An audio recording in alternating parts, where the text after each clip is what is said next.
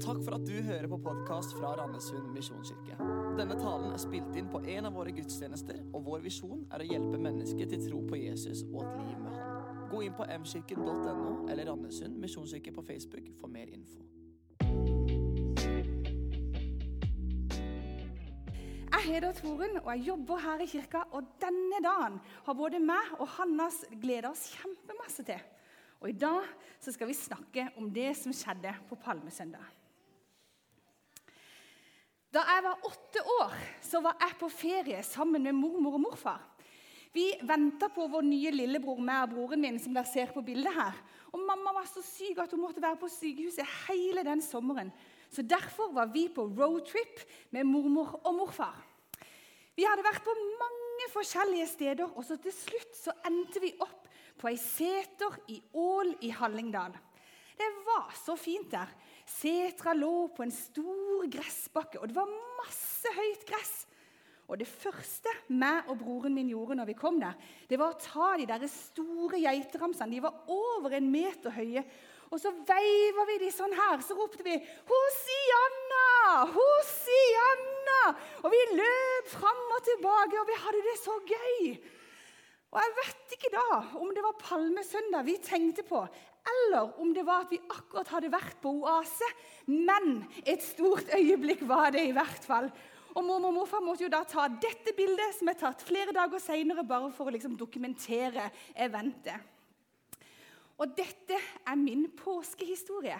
Den har mormor og morfar fortalt alle påskene så lenge de levde.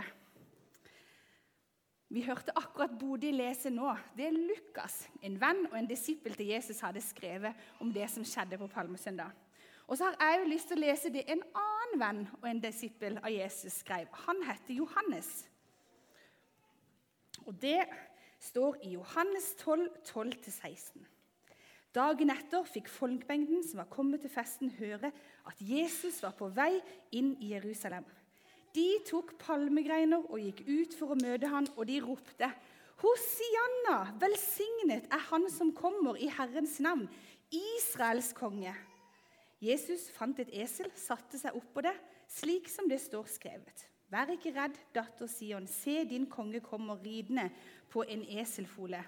Dette her skjønte ikke disiplene med det samme, men da Jesus var blitt herliggjort, så huska de at dette sto skrevet om han, og at folket hadde hilst ham slik. Det folket som bodde i Jerusalem, de hadde møtt Jesus flere ganger før denne dagen som heter Palmesøndag. De hadde møtt en Jesus som hadde sett dem. Han hadde hjulpet dem, og han hadde til og med gjort sånn at en mann som var død, var blitt levende igjen. Han hadde talt de sin sak, de folkene som bodde i Jerusalem. Så når folket så Jesus komme inn sånn, så brøt de ut i en spontan jubel. Sånn her, De bare Wow! Hosianna! Velsignet er Han som kommer i Herrens navn, Israels konge. Akkurat som på setra.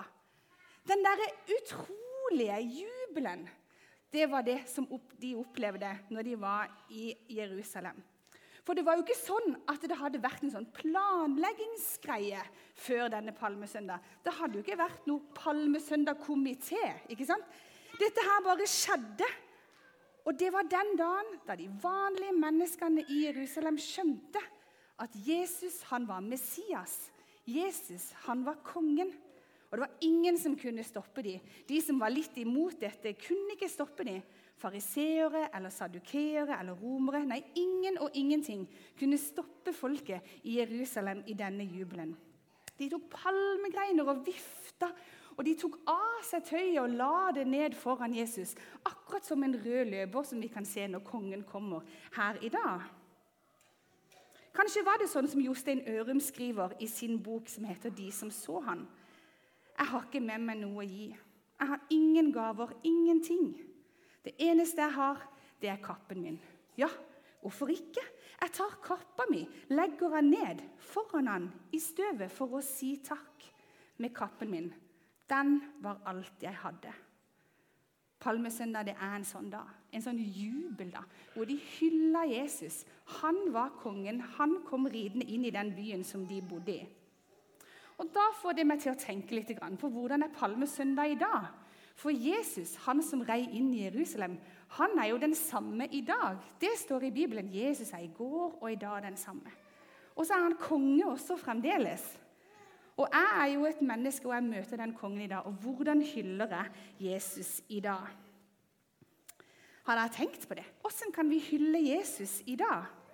Det hadde jo vært litt rart da, om vi kom inn på gudstjeneste, og så begynte alle å ta av seg skjerfet og jakka og liksom genseren og la det ned på gulvet.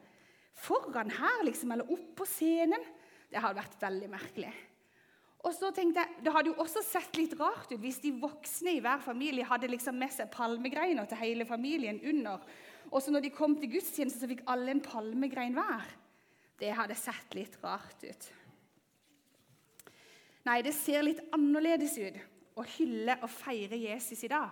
Og vi mennesker vi gjør det på forskjellige måter. Og Det står mye om det i Bibelen, åssen vi kan gjøre det. Vi kan synge til han, sånn som vi akkurat gjorde. Synge takkesanger. Vi kan be til han, eller vi kan gi han hjertet, og vi kan invitere han inn i hjertet vårt. Og Her er menneskene veldig forskjellige, og vi gjør det på totalt forskjellige måter. Og Vi har hørt snakk om at det er noe som heter åndelige veier til Gud. Eller veier til Gud. Og For noen så er det et par-tre som er vanlige, som vi syns er greiest. Noen liker å liksom være i naturen. Da kommer de nærme Gud. Noen liker å synge. Det gjør jeg. Da føler jeg at jeg kommer nærme Gud. Eller noen liker å være stille og be. Da føler de at de er nærme Gud. Min utfordring i dag er kanskje å utforske en vei som ikke du har prøvd før. Det er spennende. Tenk om du liker den like godt som de andre. Tenk om det er en vei som føler at du opplever at du er nærmere Gud. Jeg har prøvd det. Prøvd en vei som ikke var helt min. Det var den som jeg snakket om i stad. Det må jo være stille og be. Og vet du hva? Jeg har funnet ut at jeg elsker den veien til Gud også, like mye som å synge lovsang. Jesus, til slutt, han er verd all hyllest. Jeg vil si Jesus er verd all hyllest. Punktum. Det tenker jeg kanskje vi kan være enig i. Tenk alt det han har gjort for oss. Og jeg ønsker at jeg med hele meg, hele livet, skal tjene han og hylle han. Men åssen kan vi leve et liv sammen med en konge? Jesus han ble jo hylla og feira på denne her palmesøndag. De vifta med greiner og de la tøy ned. Sånn hyller han. Men det er jo ikke sånn jeg kan vise eller leve sammen med Jesus i hverdagen. Åssen ser livet med en konge ut? Viggo Klausen han snakker om det å ha Jesus med seg i baklomma. Ha han liksom her. Han er liksom ikke så tydelig, da. Du kan ikke se han hele tida, men han er liksom like greit tilgjengelig, så du kan ta han fram av og til når du trenger han. Lever vi med Jesus bare sånn i baklomma? På Supertirsdag her i kirka så leser vi ei bok hvor noen venner har fått et armbånd som det står 'What would Jesus do?' på. Hva ville Jesus ha gjort? Og Vi leser om disse vennene som hver dag prøver å tenke som Jesus når de møter livet sitt. Har du noen prøvd å tenke på den måten der? Det å leve et liv sammen med Jesus som konge, det er et spennende liv. Og så har vi så utrolig mye godt til gode. Ei dame som heter Anni Skau. Hun var misjonær i Kina. Det er ganske lenge siden, og hun var en stor misjonær i Misjonskirken Norge. Og bokstavelig talt også stor. Hun var 1,90 høy. Så de damene og mennene nede i Kina de hadde aldri sett ei så høy dame noen gang som det Anni Skau var. Og Anni Skau var misjonær når det ble krig, når andre verdenskrig brøt ut. Og Da fikk alle beskjed om at de måtte forte seg tilbake til Norge og Annie Skau var en av de som måtte forte seg tilbake til Norge. Men da hun kom på flyplassen i Amsterdam, så sa de hei, det er fullt her. Alle flyene som skal til Norge, de er fulle. Du kommer ikke med. Det er bare de viktige personene som kommer med på dette flyet. Da tenkte Annie Skau kjempefort, og hun kom på en genial setning som jeg syns er veldig fin. Hun sa, 'Men jeg, jeg er jo barn av kongen.' Jeg er jo nødt til å være med på det flyet. Og vet dere hva? Det funka. Anni Skau ble med på flyet, for hun sa 'Jeg er kongens datter. Jeg må bli med'. Og så vet jo vi at ikke det var den ordentlige kongens datter hun var. Det var Jesus hun snakka om. Men tenk så kult. Og så tror jeg jo det, at når hun har den identiteten inni seg, så tror jeg hun kanskje fikk en samtale da med noen viktige menn på flyet som var veldig nysgjerrige på kongens datter, som måtte komme hjem til Norge. Får Jesus være kongen i ditt liv? Tenker du på Jesus når du lever i hverdagen og når du skal ta et valg? Eller har du noen gang brytt ut i sånn spontan hyllest og jubel for Jesus? Nå skal du få muligheten til det. Og Nå skal vi synge en sang som heter 'Pris hans navn'. Og Da er det lov til å danse litt. Da er det lov liksom, å være med og juble litt ekstra for Jesus, som er kongen vår. Nå skal vi be. Jesus er kongen min, Guds barn jeg er. Og om jeg liten er, har han meg kjær. Vi takker og priser deg da, Jesus, fordi du er kongen vår. Vi takker for alt det du gjorde for oss, og som vi minnes nå i den uka som vi går inn i. Takk, Jesus, fordi du er kongenes konge, og at du samtidig er vår beste venn. Hosianna i det høyeste. Vi vil hylle deg med vår sang. Amen.